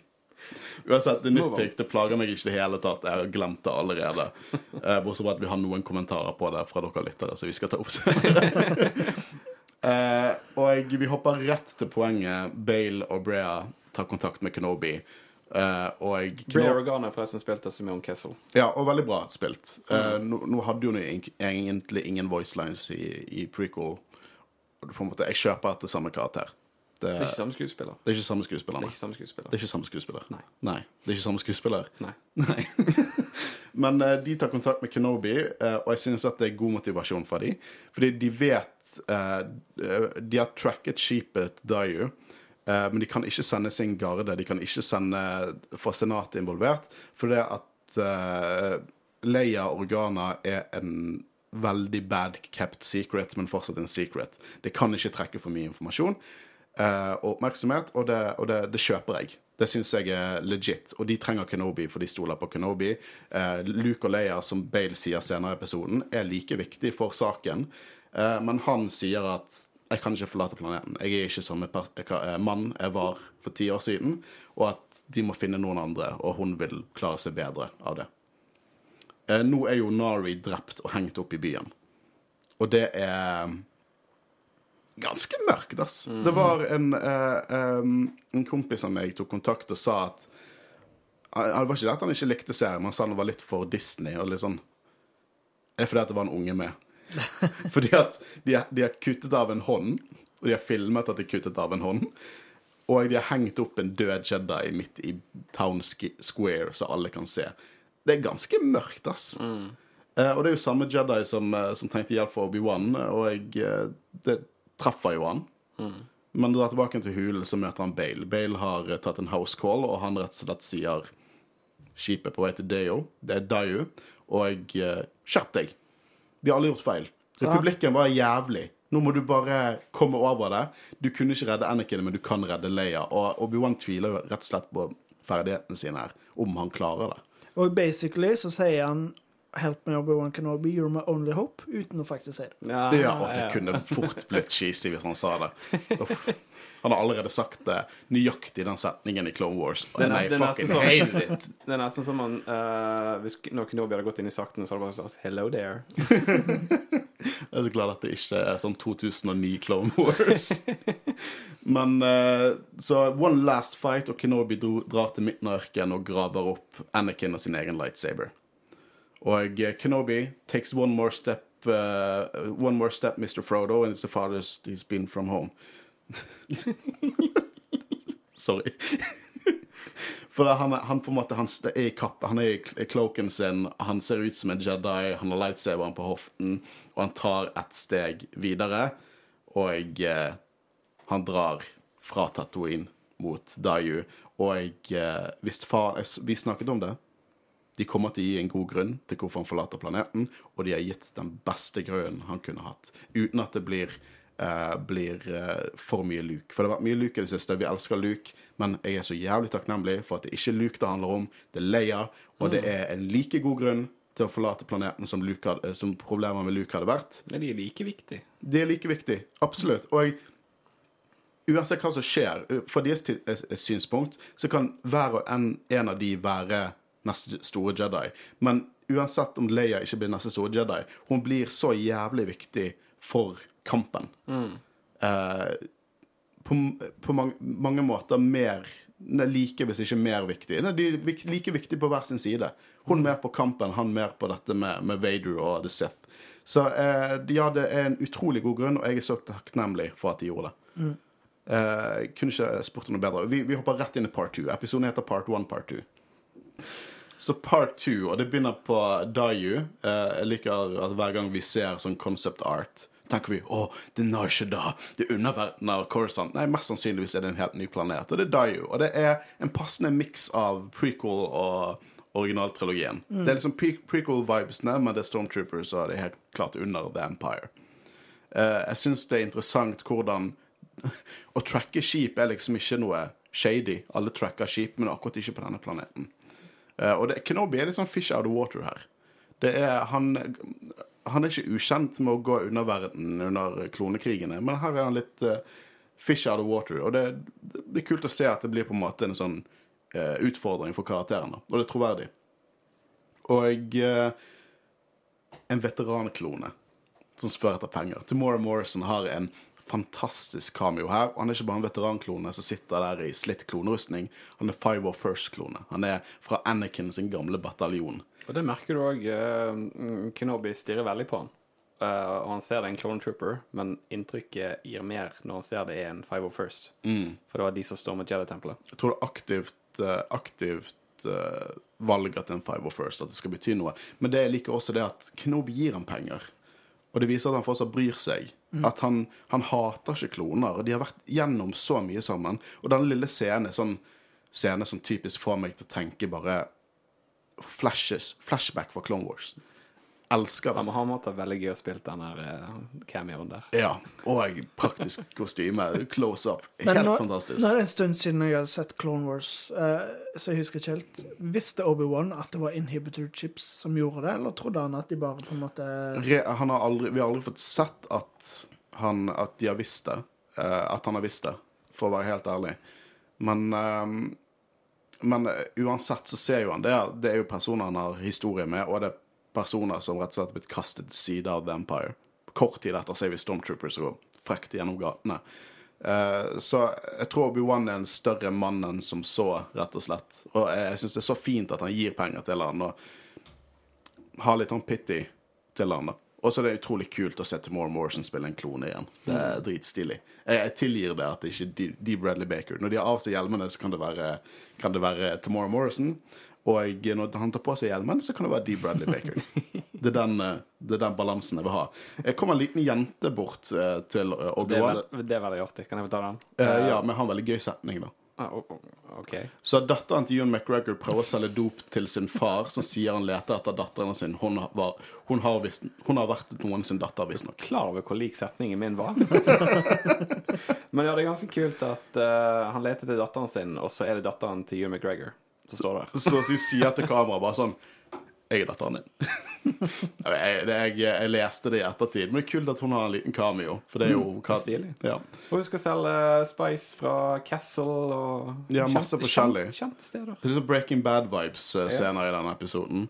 Eh, men det kommer en liten unge bort, sier at uh, han kjenner en Jedi som kan hjelpe folk, og så blir jo Obi-Wan litt sånn intrigued. Hva er dette for noe? Så han følger han. Uh, og vi hopper til Haja Estri, spilt av Kumali Nanjiani. Jeg nailet den uttalelsen på første forsøk. Veldig bra, Håkon. Ja, takk. Det, men jeg var litt skeptisk når jeg hørte at han skulle spille i denne serien som en Jedi, for det var det de først sa. For han var i Jedi Robe, som alle sa han var Jedi. For det, ikke det at jeg, jeg misliker ikke han, men eh, jeg bare hadde ikke kjøpt han som en Jedi at all. Men den, han er Den rollen han har nå, den perfekt. kjøper jeg. Faktisk perfekt. Det er så troverdig at en fyr med magneter skammer fattige folk til at de at tror at han er Jedi. Og ja, det er gambling, for The Empire jeg hater jo Jedi, men det er ti år etterpå. Og eh, han vet at the poor people har håp, og eh, han, at han skammer dem. Det bare Her, Det her, passer så jævlig bra. her var det òg denne perfect casting momentet. Ja, Det- ja, ja. ja da, da ble det automatisk perfect casting. Det, det, det er helt fantastisk. Og jeg eh, Han det, Først når jeg så det, så var det liksom det at OK, her er den lille familien, en mor eh, og en sønn, og sønnen har Force Powers, og må komme seg vekk fra The Empire, og så tar han penger for dem og later som han mindtricker noen over en mikrofon, og sender de til gaten, og så tenker jeg sånn Sendte han de nå til døden? Og Obi-Wan bare kjefter på han litt i ettertid. Nei, Nei da, han nei. hjelper de faktisk, men Ja. han stjeler penger for de i tillegg. Ja. Så han hjelper dem, men han gjør dem fattige. Ja, han er, han er en scoundrel with the heart of gold. Akkurat sånn som vi liker våre Star Wars scoundrels. Og det gir veldig mening eh, når du tenker på at han hjelper Kenobi. Ja. Eh, jeg tror rett og slett at han forguder litt Jedi. I Ja. hvert fall når han finner ut at Kenobi er en Jedi. Han er ute etter å hjelpe folk, men han vil òg tjene penger. Ja, ja, absolutt. Og Kenobi kommer bort og er egentlig ganske dritforbanna, og han sier det at han leter etter noen. Eh, jeg liker den der eh, når, når han spiller med, og så sier liksom eh, eh, Haja liksom yeah, and, and the, eh, det er Han sier Hva han sier? Han sier light uh, To keep the light with us. Og så sånn, og så du, du må gi meg 500 nå og 300 når vi finner hun. Og så sier Kenobi Goodness, that light is unforgiving. uh, man trekker jo blaster og kommer med litt sånn inntrykk som han kanskje lærer litt av. Da. Han sier liksom du er en bottom feeder, du er skam. Eh, rotter. Men rotter vet mer om kloakken, og nå skal Kenobi ned i kloakken. Så Haja peker han i riktig retning, da. Og jeg liker litt hva de har gjort nå. Sånn Etter at Leia forsvinner, hopper de rett til poenget, uh, der Bale tar kontakt. Her Det er ikke noe sånn stor sånn 'Å, du må komme deg inn der'. Han har en monolog eh, kuttet over neste scene der han allerede går dit. De kommer til poenget. Eh, De kutter vekk det som er unødvendig, og rett og slett kommer til poenget eh, med storytellingen til det som er viktig, og det setter jeg pris på. Og Det er her vi får Mathlab, og jeg er bombesikker på at musikken det høres ut som Breaking Bad-musikk. Akkurat det tenkte jeg ikke over, men nå må jeg se det på ny og tenke på det. For de er jo så å si en meth lab. Og Kenobi går liksom i sånn jumpsuit med gassmaske på. Det passer rett inn med Wall 2 White. Eh, og sniker seg inn og distraherer eh, Distraherer noe, sniker seg inn, slåss mot noen vakter. Liten, kul detalj han slår til en Sabrak og skader seg. For det har jeg alltid tenkt på. Når, når de, alle disse slåsskampene mot Sabraks De har fullt av horn. Her ser du at han slår til etter hornet. Bare sånn, å fuck Selvfølgelig gjør det vondt. Jeg ser jo òg at han eh, er ikke i samme form som han var. Han sliter litt, spesielt når han ikke kan bruke The Force til å på en måte forsvare seg. Han eh, er ikke den uh, slåsskjempen han var, for å si det sånn. Nei, han var vel egentlig ikke en, en fistfighter heller, sånn sett. Og han har, han har fistfightet en del. Husker dere ikke den uh, slavearken når eh, de skal inn og late som de er slaver? Da driver Ja, jo han og Wars, ja. puncher opp en separatistkommandør så bare til bare Det er sant. Jeg tror han slår seg på noen horn da også. Men eh, han går jo rett inn i en felle, eh, og da, da er jo det nok Noctru, eller Fli fra Red Hot Chili Peppers, som er der, som var veldig underholdende. Han, de, de er utrolig goofy, men på en god Star Wars-måte. Du bare choose the scenery. Han, nå har jo han vært med i to av mine absolutt favorittting. eh, Star Wars og Tilbake til fremtiden. Så det er veldig gøy. Perfekt for deg, da. Vi snakket ikke om det. Plan, disse dusørjegerne har jo kidnappet Leia etter ordre fra eh, Riva. Fordi at Reva har funnet ut at Bale Organa og Kenobi var gode venner. Og eh, mest sannsynligvis da vil, vil Bale ta kontakt med Kenobi, og Kenobi vil komme etter, eh, etter Leia. Kanskje litt eh, a stretch, men I'll buy it. Eh, men det er litt interessant det også, for det at det har jo The Inquisitor full peiling på at Bale Organa kanskje er litt opprørsk. Og, eh, men de gjør ikke noe. Han er jo en, han er jo en, han er en keiserlig senator. Så kanskje rett og slett hans status gjør at han er ganske untouchable, til og med under The Empire. Men òg så eh, har de jo ikke noe bevis på at han er rebelsk nå, for han har jo ikke gjort noe åpenlyst ennå, på en måte, så det er jo bare det at han har hatt kontakt tidligere. Det er det jeg håper å se fra Endor, at det er liksom sånn politikk og pompøse imperial jævler som er på sånn eh, ball, og folk som schemer skimer, og Å, jeg elsker det. Jeg håper de har litt sånn senatscener. Ja, men det, i traileren til du så er jo det. Og det gleder meg så jævlig mye. Helt siden de sa The Imperial Senate won't Alt det der. For håper. Jeg vil se det. Jeg vil se det. Å, det er så kult. Men det, Eh, det, ja. men han går inn i en felle. Man bruker dopet som datteren til Ewan McGregor ga han, eh, og eh, gjør de høy. Løper ut derifra. Det er første gang vi faktisk har sett noen i Star Wars være høy på Vi har sett det i Clone Wars. OK, første gang i live action. ja, det er første gang i live action. Men jeg kan garantere deg at de to Tusken Raiderne for Book of Bobafett ble høy rett etter de slo av kamera. Fikk jo Spice rett i trynet. Uh, men jeg liker hvordan Leia bare det første hun gjør, er å angripe Kenobi. Bare gå rett etter han. Og Lola har blitt knust i en tidligere scene. Eh, men hun, eh, hun lurer først hun lurer på, hvor er hæren? For han ser bare denne slitne gamle mannen som eh, prøver å hjelpe henne. Så de sniker seg ut, og uh, Reva i mellomtiden finner bare masse høye dusørjegere. Jeg liker også hvordan kunne er veldig skeptisk til hvem Kenobi er.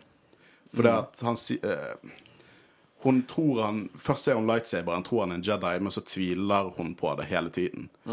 Og jeg, det, det er mye der som minner meg liksom om når når, eh, når Leia blir reddet av Luke og Han Solo, liksom, hvor skeptisk hun er til de, og det bare jeg Må tro at de har tenkt litt på sånne diskré referanser, karakterreferanser, rett og slett. Jeg leste litt eh, eh, på kommentarfeltet at uh, Om jeg holder meg unna sånn som det der.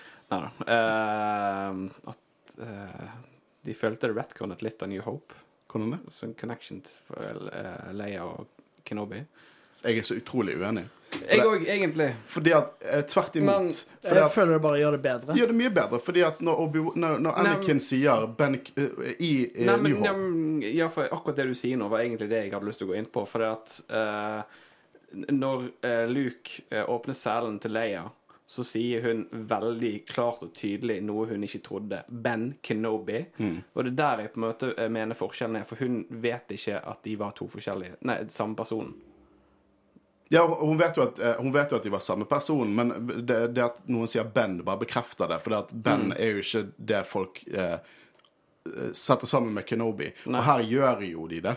Så og det, de gjør enda mye mer mening nå. For det at hvis, hvis, eh, hvis jeg har spurt eh, Håkon Rus etter hjelp, og så dukker du opp og sier Håvard Rus er her, sier jeg Håvard! Ja, samme etternavn! Det betyr jo at de kanskje de gir mer mening nå, fordi at han kaller seg Ben. Hun Mm. Nei, jeg, jeg kaller leste iallfall at det var veldig mye irritasjon for det at eh, på grunn av akkurat det. Hvorfor husker ikke eh, Ja, Men vet du hva, Kristian? Bare gjør som du sa til å begynne med. Ikke les kommentarer. fordi Ja, men sorry, de gir ikke mening. Jeg, jeg, Og- jeg syns dette gir mye mer mening. Jeg, jeg leste, jeg leste eh, en forklaring om at det kan være at Leia eh, fikk eh, eh, mind Altså hun ble gjerne ah, Come on. vasket, liksom. Alt ble Jeg, sleppet. jeg, jeg syns jeg, Og jeg syns bare det gir mer mening òg nå, at Mm. uh, hun faktisk kaller Kylo Ren for Ben Solo. Det gir- Fordi de har et forhold til Ja. han. Denne episoden gir kontekst til to trilogier. Det er helt konge. Dette, dette, men er ikke det bra at vi tar dette opp? Jo, Ja, det er helt forbanna konge. I love it. Ja. Fucking love it. Så altså, det, det, det var litt sånn uh, interessant å lese de tolkningene. Ja, men jeg, jeg bare skjønner ikke hvordan det de, de, Jeg, bare, jeg syns det Så Håvard sier no, Ben Solo Åh, alt, åh, jeg elsker Star Wars! Jeg klar, det er dumt at jeg spiller inn en podkast, for når jeg blir sånn, så klarer jeg, bom, jeg klarer ikke å si ord. Men The Grand Inquisitor kommer, um, og jeg er jævlig forbanna på Reva. Uh, og jeg, han synes det er altfor mye å kidnappe en keiserlig senator sin datter for å, for å eh, liksom lure Kenobi hit. Eh, og det er her han begynner å snakke ned The, eh, the Third Sister, og sier liksom det at uh, hun kom til de fra The Gutter, evnen hennes ga hun rang. Men jeg lurer litt på, for vi har alltid spekulert, er det Grand Inquisitor, Second Sister, Third Sister, bla, bla, bla. Er det rang, eller når de kom dit? Og med tanke på hvordan The Grand Inquisitor og The Fifth Brother snakker til The Third Sister, så begynner jeg å lure på om det kanskje ikke er rang, eh, rang da. Eller det er noe annet vi ikke vet. Men de snakker jo virkelig henne ned. Eh, at hun er scum, basically. Eh, nå skal jeg ikke throw shade i det hele tatt, men jeg har lyst til å diskutere det, for det er interessant. Eh, noen venner av meg eh, vennepar de mente at det var below the Grand Inquisitor å snakke sånn. Um, jeg er litt uenig. Fordi at vi har sett The Grand Inquisitor med masse stormtroopers og, eh, og offiserer i Rebels. Vi har ikke sett dem på en måte interagere med andre Inquisitors. Men du vet hvordan Imperials For han er en Imperial. Eh, Han er en, en, en The Grand Inquisitor av eh, The Inquisitorious, men han er også en Imperial. Han oppfører seg veldig som en Imperial. Imperials sparker nedover. De sparker ikke oppover, de sparker nedover. De skimer oppover og sparker nedover. Og, hvordan, og det er veldig Sithy. Sånn, ja, de er ikke Sith, men de er jo absolutt inspirert av det. Det er Dark Force users, der alle kjemper om ambisjoner, kni, stikker kniver i hverandre, sparker hverandre ned. Uh, jeg syns det er veldig mening hvordan han snakker til Riva, som på en måte helt klart har ambisjoner. Så han ikke helt forstår henne, men han ser at de er der, og gjør ting han ikke vil hun skal gjøre. Så jeg kjøper det veldig godt. Ja, jeg òg. Det skal liksom The Inquisitorious en stor pissekonkurranse om hvem som får mest favør. The Empire er en stor pissekonkurranse om hvem som får mest favør. Liksom, det er en scene i, i Tarkin der Palpatine faktisk er med på et sånt styremøte. Og jeg, så begynner liksom folk, og offiserene å skrime, så sitter Palpatine og bare smiler og sånn Yes! Det er, det, det er derfor det faller sammen. For Folk liker ikke hverandre, de hater hverandre. Men byen er på lockdown, og det er Grand Quister han skal ta over operasjonen, og Reva ikke liker det hele tatt. Men det Reva gjør, tar kontakt med alle dusørjegerne i byen eh, og har en skikkelig John Wick-scene. Ingen tracking fobs, som jeg er glad for. Jeg hadde blitt irritert hvis de plutselig bare dro opp en tracking fob her. De har masse hologrammer, og eh, her begynner jeg å tenke litt sånn Clone Trooperen. Når han så Kenobi, når han var sånn Order 66 Men så er det Jeg, jeg lurer på om rett og slett vi var inne på noe med at de chipene er ikke permanente. For, for alle kloner. At de, eh, de slipper taket etter hvert. Men det hadde vært litt morsomt om vi så masse dusørjegere og en jævl sliten, skjeggete Tomorrow Morrison som bare haltet etter. uh, Eller, lille- eller han har tatt han ut. eller han tatt han ut. Uh, Den lille scenen når uh, de skal forkle hverandre, og så tar Leia på sin lille kappen, og så plukker han opp noen uh, hansker, og fin liten humorscene når Kenobi sier You don't need those. And the gloves. Perfekt dratt inn liten humorscene. Eh, scene. Og det er ikke for mye humor, fordi det er jo en det er en dyster serie, og hvis de hadde bare vært humor på humor på humor, så hadde det liksom Nei, men, tatt det litt ut. Selv om det litt- alltid har vi- vært humor men det, i Star Wars. det, det, det, det, det jeg sa med forrige episode, at de greier perfekt å gi Mm. disse små glimtene. Og vi må ha litt lys for å dra. Kenobi videre til å bli Alekinis eh, Obi-Wan. Vi Ja. Vi må ha litt lys inn i dette. Eh, vi ser en LOM-series, Bounty Droid, i bakgrunnen. Ifølge Wikipedia så har ikke de sagt at det er Forlom. Men hvor mange protokolldroider for LOM-serien klarer å overskrive sin egen kode og finne ut at de har lyst til å gå dusørjegerkarriere? Så i mitt hode, ja, det var Forlom. Dere vet hvem For LOM er? Han som var med på eh, Eh, eh, eh, Intervjuet til ja, Wader, ja, ja. ja, fra quizen. Var det samme? Jeg tolker det. Hvor, hvor ofte tar en, en protokolldroid for akkurat den serien med protokolldroider og overskriver sin egen kode for å bli dusørjeger? Noen kan jo bli kokker, liksom, men han vil bli dusørjeger. Og Nei, eh, jeg skal, jeg skal ikke på det. best-buddyen til Suckers I mitt hode nå så var det Forlom, for LOM, vi så der. Ok. Og han, oppfører, han går clunky, men skyter, og and I fucking love it. Uh, vi får jo mer scener der Leia tviler på hvem han er. Kommenterer Ben ikke et særlig Jedi-navn. Jeg er enig. og hun sier You think the less you say, the less you give away, but it's, uh, it is the opposite. Og Kenobi snur seg og sånn Hvor gammel er du? Uh, og sier liksom sånn at hun virker gammel for alderen, så sier hun veldig fornøyd. Takk! Eh, det er jo det, også det, er så, det er så passende med den, den scenen som kommer senere, der Kenobi i løpet av hele denne tiden han er med Leia, når han sier til det punktet hvor mye hun minner han om moren. Padmay-scenen. Det er ta, vi, nydelig. vi tar den nå. Jeg synes det var en fantastisk scene. Og det bare igjen, du får sånn flashbacks fra Clone Wars, fra prequel-trilogien. Mm. Ja. Det var fint, fint øyeblikk. Veldig. Og jeg er jo så jævlig dum. For når jeg så den scenen, så var det sånn «Eh, Er det Asoka? Er det Satine? Å, det er Padme. Ja, det er fint, det ja. Selvfølgelig Padme. Guro snudde seg til meg og sa sånn Det Padmay, dummy. Det er moren.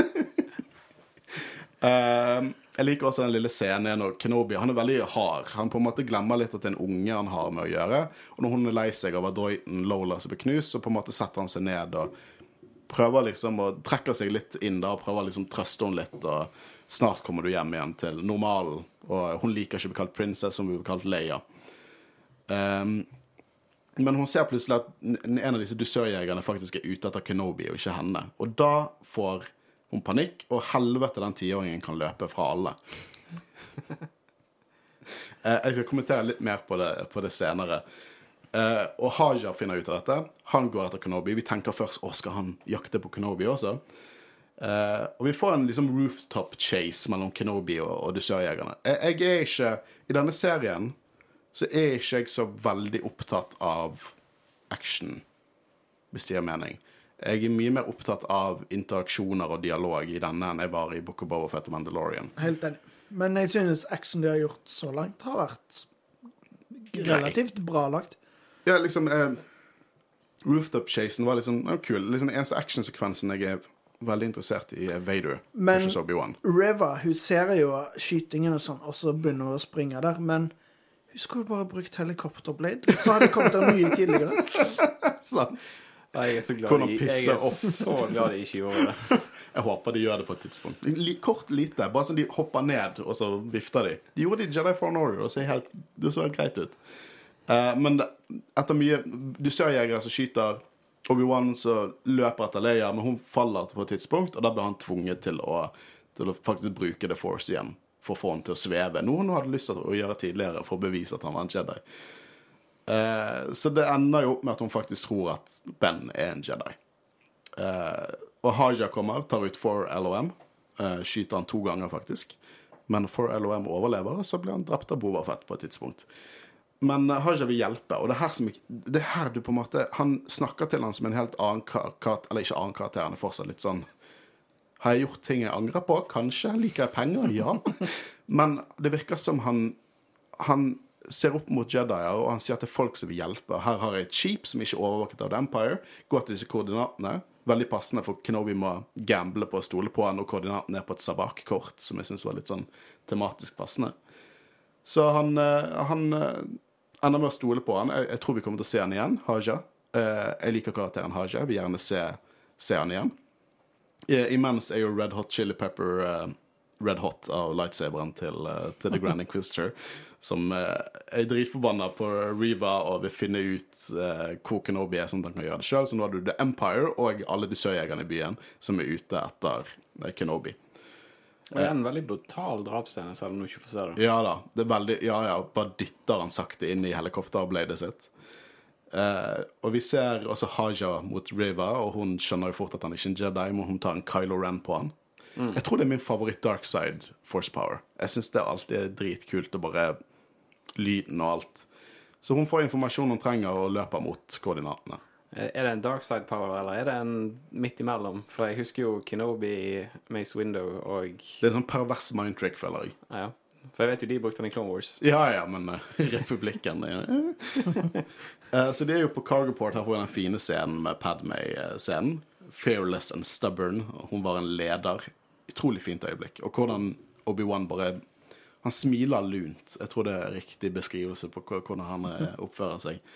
Eh, Så Reaver kommer like etter og driver og eh, leker med Kenobi. Hvem av dere fikk veldig sånn her eh, Return of the Jedi-vibe der, med den scenen når eh, Wader og Luke Veldig. Det, jeg tenkte ikke på det når jeg så det, men når du sier det, veldig.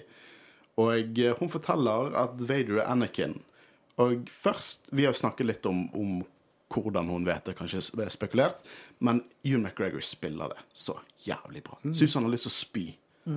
Og, og du bare ser på øynene hans at liksom de siste ti årene blir, blir endret for han nå, når han vet Anakin lever. Men betyr det da at han ikke engang har hørt om Vader? Vader er ikke en veldig åpen ting. Det er ikke sånn at Vader er posterboyen til Empire. Nei, så han er mer sånn eh, når ting, When things go down, send Vader, liksom. Ja, ja, ja. Mm. Det, er, det er ikke en veldig åpen ting at Vader eksisterer engang. Uh, men The Grand Inquisitor dukker opp. Elsker I have had enough of the reek of your ambition. Åh, han er så jævlig pompøs. Elsker det. Eh, og Grand Inquisitor skal ta over, og Reva stikker en lightsaber gjennom han. Og vi har fått inn In, ingen problem, for det at uh, vi, har, vi må høre hva lytterne våre sier. Her, Der popper det inn. Bare si én setning. En setning. En setning. Men det, det er ingen problemer, for jeg, jeg har lest meg opp at de rasene har to mager, så hvis du stikker den ene, så blir det helt fint. Dessuten så har vi back to tanks. Yeah. Eh, hæ? Det er jo ikke slik Grand Inquisitor dør, sier en av lytterne våre. Og så en annen lytter sier Hvorfor knertet de The Grand Inquisitor så tidlig? Han er ikke død. Han er ikke død. Han er ikke død i hele tatt. Eller er dette ikke The Grand Inquisitor, og så kommer eh, Jason Isaacs i neste episode? Ja, med mye smalere hode. Ja, ja. Hæ? Det er broren hans med smalt hode som dukker opp. Vi vet jo ikke navnet hans, sant? Eh, men, eh, men ja, han er ikke død. Tror du meg, han er ikke død. Eh, jeg fikk ikke engang Jeg stilte ikke spørsmål til det engang, for han er ikke død. Han ble, kommer til å bli sidelinet. Reva kommer sikkert til å si sånn Se hva Kenobi gjorde. Nå må dere la meg håndtere dette. Og hvis det faktisk er rang, så er jo hun på dette tidspunktet rett under Grand Inquisitor. For det er Second Sister døde fem år før dette. Så eh, noe sånt ser jeg Nei, vi har òg sett The Grand Inquisitor i, i, i trailer i scenen på den Jeg tror ikke vi så han i, i på Nur. Ikke? Nei, The Reva. Eh, jeg vil også nevne at The Fourth Sister dukket opp første gang i live action i denne episoden. Yeah. Uh, hun gjorde ikke så mye ut av seg, men uh, det jeg hater, er at designet til The Fourth Sister sin rustning og hjelm i, i, i tegneseriene er det kuleste designet. Det er som, du tar, det er som Darth Vader og, og Boba Fett fikk et kjærlighetsbarn. Eh, og det er hjelmen til The Fourth Sister. At hun hadde på seg hjelmen, synes jeg er så fornærmende. Det er det jeg hater mest, at hun ikke hadde på seg den hjelmen, for den er så dope. De kommer nok sikkert ikke til å gi oss den hjelmen heller. Men uh, ja, hun har jævlig kult design i tegneseriene, og de ga hun ikke hjelmen i, i denne episoden, og det gjør meg litt lei meg. Men det er kult å se Fourth Sister uh, første gang i live action. Um, så Obi-Wan og Leia klarer å stikke unna, eh, men jeg liker veldig godt hvordan, eh, hvordan Reva sier 'You can't escape him'. Åh, det er så kult. Og du ser på skipet der Kenobi ser igjen ut som han skal spy, og så sier han Anakin, flasher over til Anakin i tanken sin, spilt av Hayden Christiansen, som åpner øynene.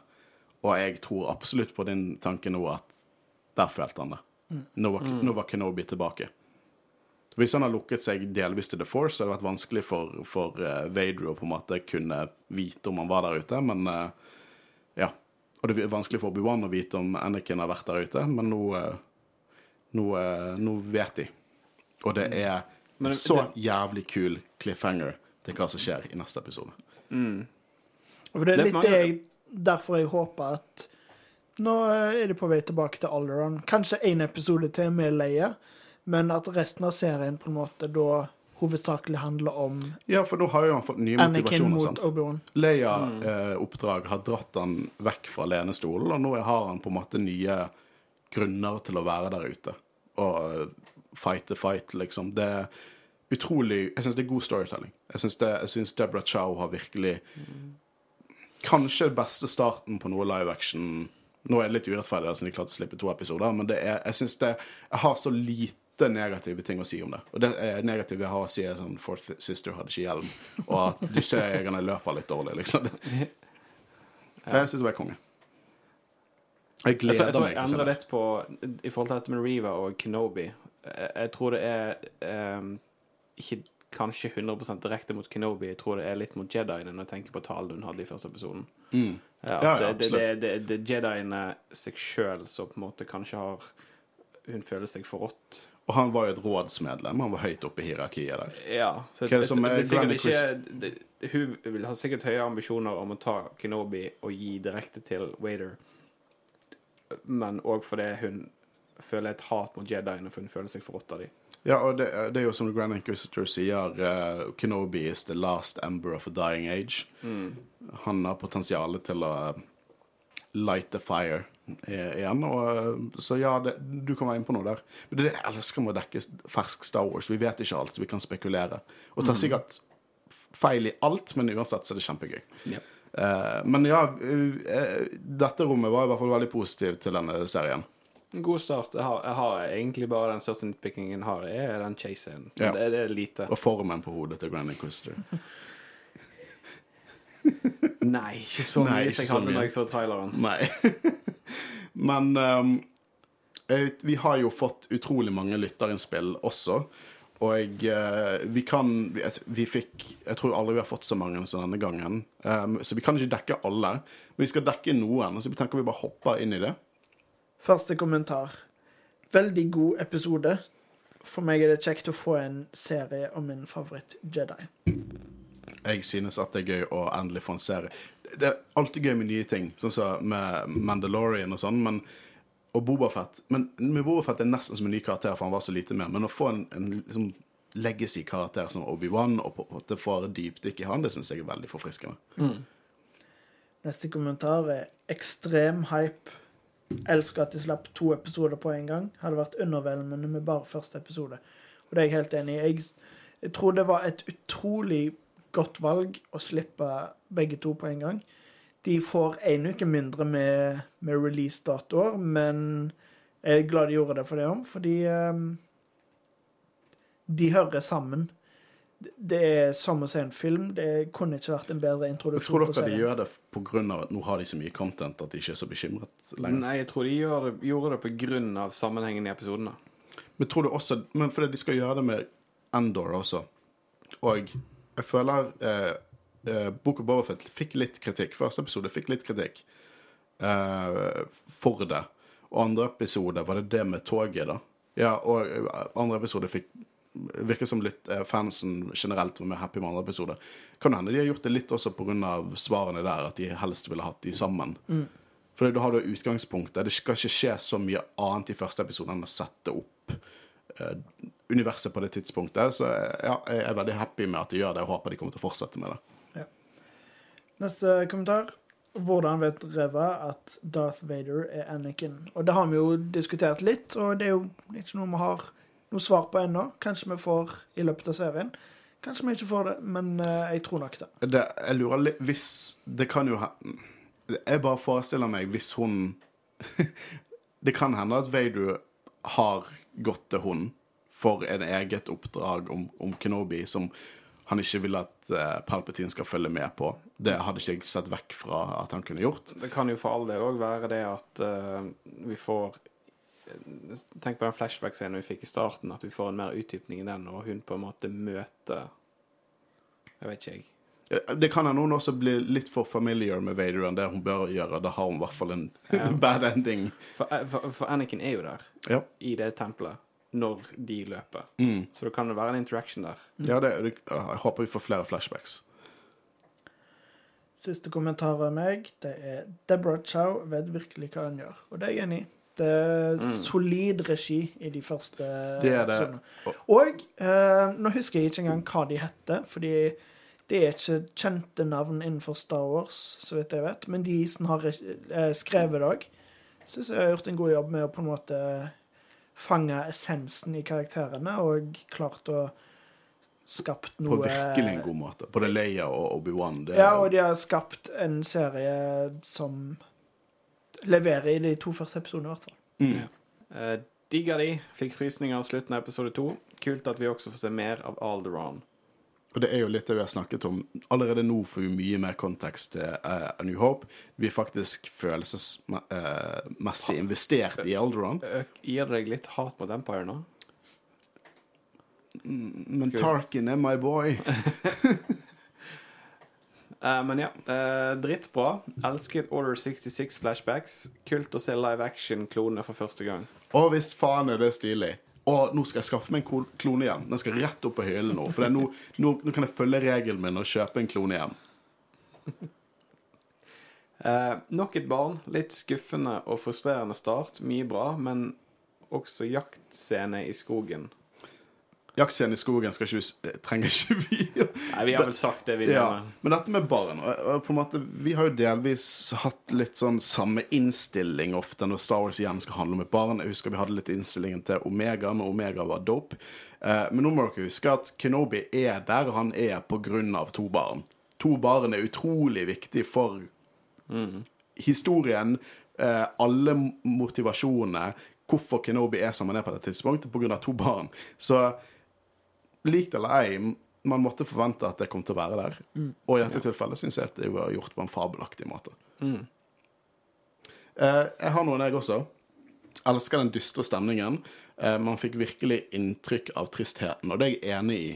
Samtidig med litt lysglimt fra Leia og veldig passende humor. Så ikke ta for mye plass. Eh, Dette er ikke en MCU-film. Ikke at Humoren i MCU er ofte veldig bra, men det er ikke en MCU-film. Det er ikke quips. Eh, jeg synes at de klarte stemningen veldig godt, og har på en måte Sånn som de viste hvor lite innhold det er i dagene til Kenobi, og viste litt repeat uten å ta for mye i det. Jeg syns det var en fin måte å formidle stemningen på. Spennende episode. Selv om kidnappingen kunne de orket å betale noen ekte stuntpersoner. Og så hopper jeg eh, sammen eh, en siste kommentar. De er elendige til å løpe i Star Wars. En Jedi klarer ikke å ta igjen lett løpende jentunge. Nå til forsvar til Kenobi så hadde han dusørjegere fra en hel by som skjøt på han da. Så jeg vet ikke helt om jeg har lyst til å blame han, men de der dusørjegerne i skogen, eh, de kunne jobbet litt mer på koordinasjonen sin. Det, det, det, det har vi sagt et par ganger. Men alt i alt så virker det som at, eh, som at folk likte det. Eh, noen synes jo Kanskje litt unnavelmet, men de fleste virker som av dere som sendte inn, virket som dere likte det, og det er jo, det er jo godt å se. Eh, jeg er utrolig spent på onsdag. Eh, våre episoder Vi spiller det inn torsdager. Kort tid til å researche, men episodene våre kommer ut hakket eh, nærmere til episoden enn det gjorde med f.eks. Mandalorian, når vi dekket det. Så eh, jeg tror dette blir bra. Jeg, gleder meg til å se mer. Eh, jeg, håper dette er en miniserie. Eh, bare one and done. Jeg så at uh, Ob Nei, uh, Ewan McGregor håpte på en sesong to, så det blir jo veldig spennende å se hvordan serien blir avslutta, om de legger opp til en ny sesong, eller om det er en miniserie. Ja, jeg er enig. Ja, det kan jo være begge deler. Det kan være de avslutter på der det er muligheten for en sesong to, eller at de lager en ny story. Jeg vil ikke ha sesonger. Kan ikke gi seg. Det er så mye. Ja, men Jeg orker ikke å vente mer. Det er Jeg fortsatt, hadde dør det er snart. fortsatt Ja, de kan, dette kan være en limited serie med en avslutning, men de kan fremdeles hoppe litt framover i tid og Ja, lage en I til. guess. Men når jeg husker husker Moonnight, det skal òg være en miniserie, men det ser ut som vi får en sesong to nå, så Ja, bare vent til siste episode. uh, uansett, alle dere lyttere, har dere uh, spektisering, spankulering, spekki... Nå, spekulering, å ja. Spekulering eller tanker til oss eller om serien, send det til oss på, på Instagram i enten kommentarfeltene eller på, på private messaging. Eh, vi elsker å interagere med dere. Eh, vi er i hvert fall jævlig hypet på onsdagens episode og resten av eh, serien.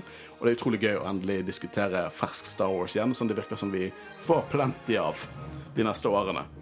Uansett, mitt navn er Håkon Øren, jeg sitter sammen med Horus. Og Kristian Høgen Aspen. og vi har vært og vil alltid være Jedi-rådet. Du hører mer fra oss på torsdag. Ha det bra. Ha det bra.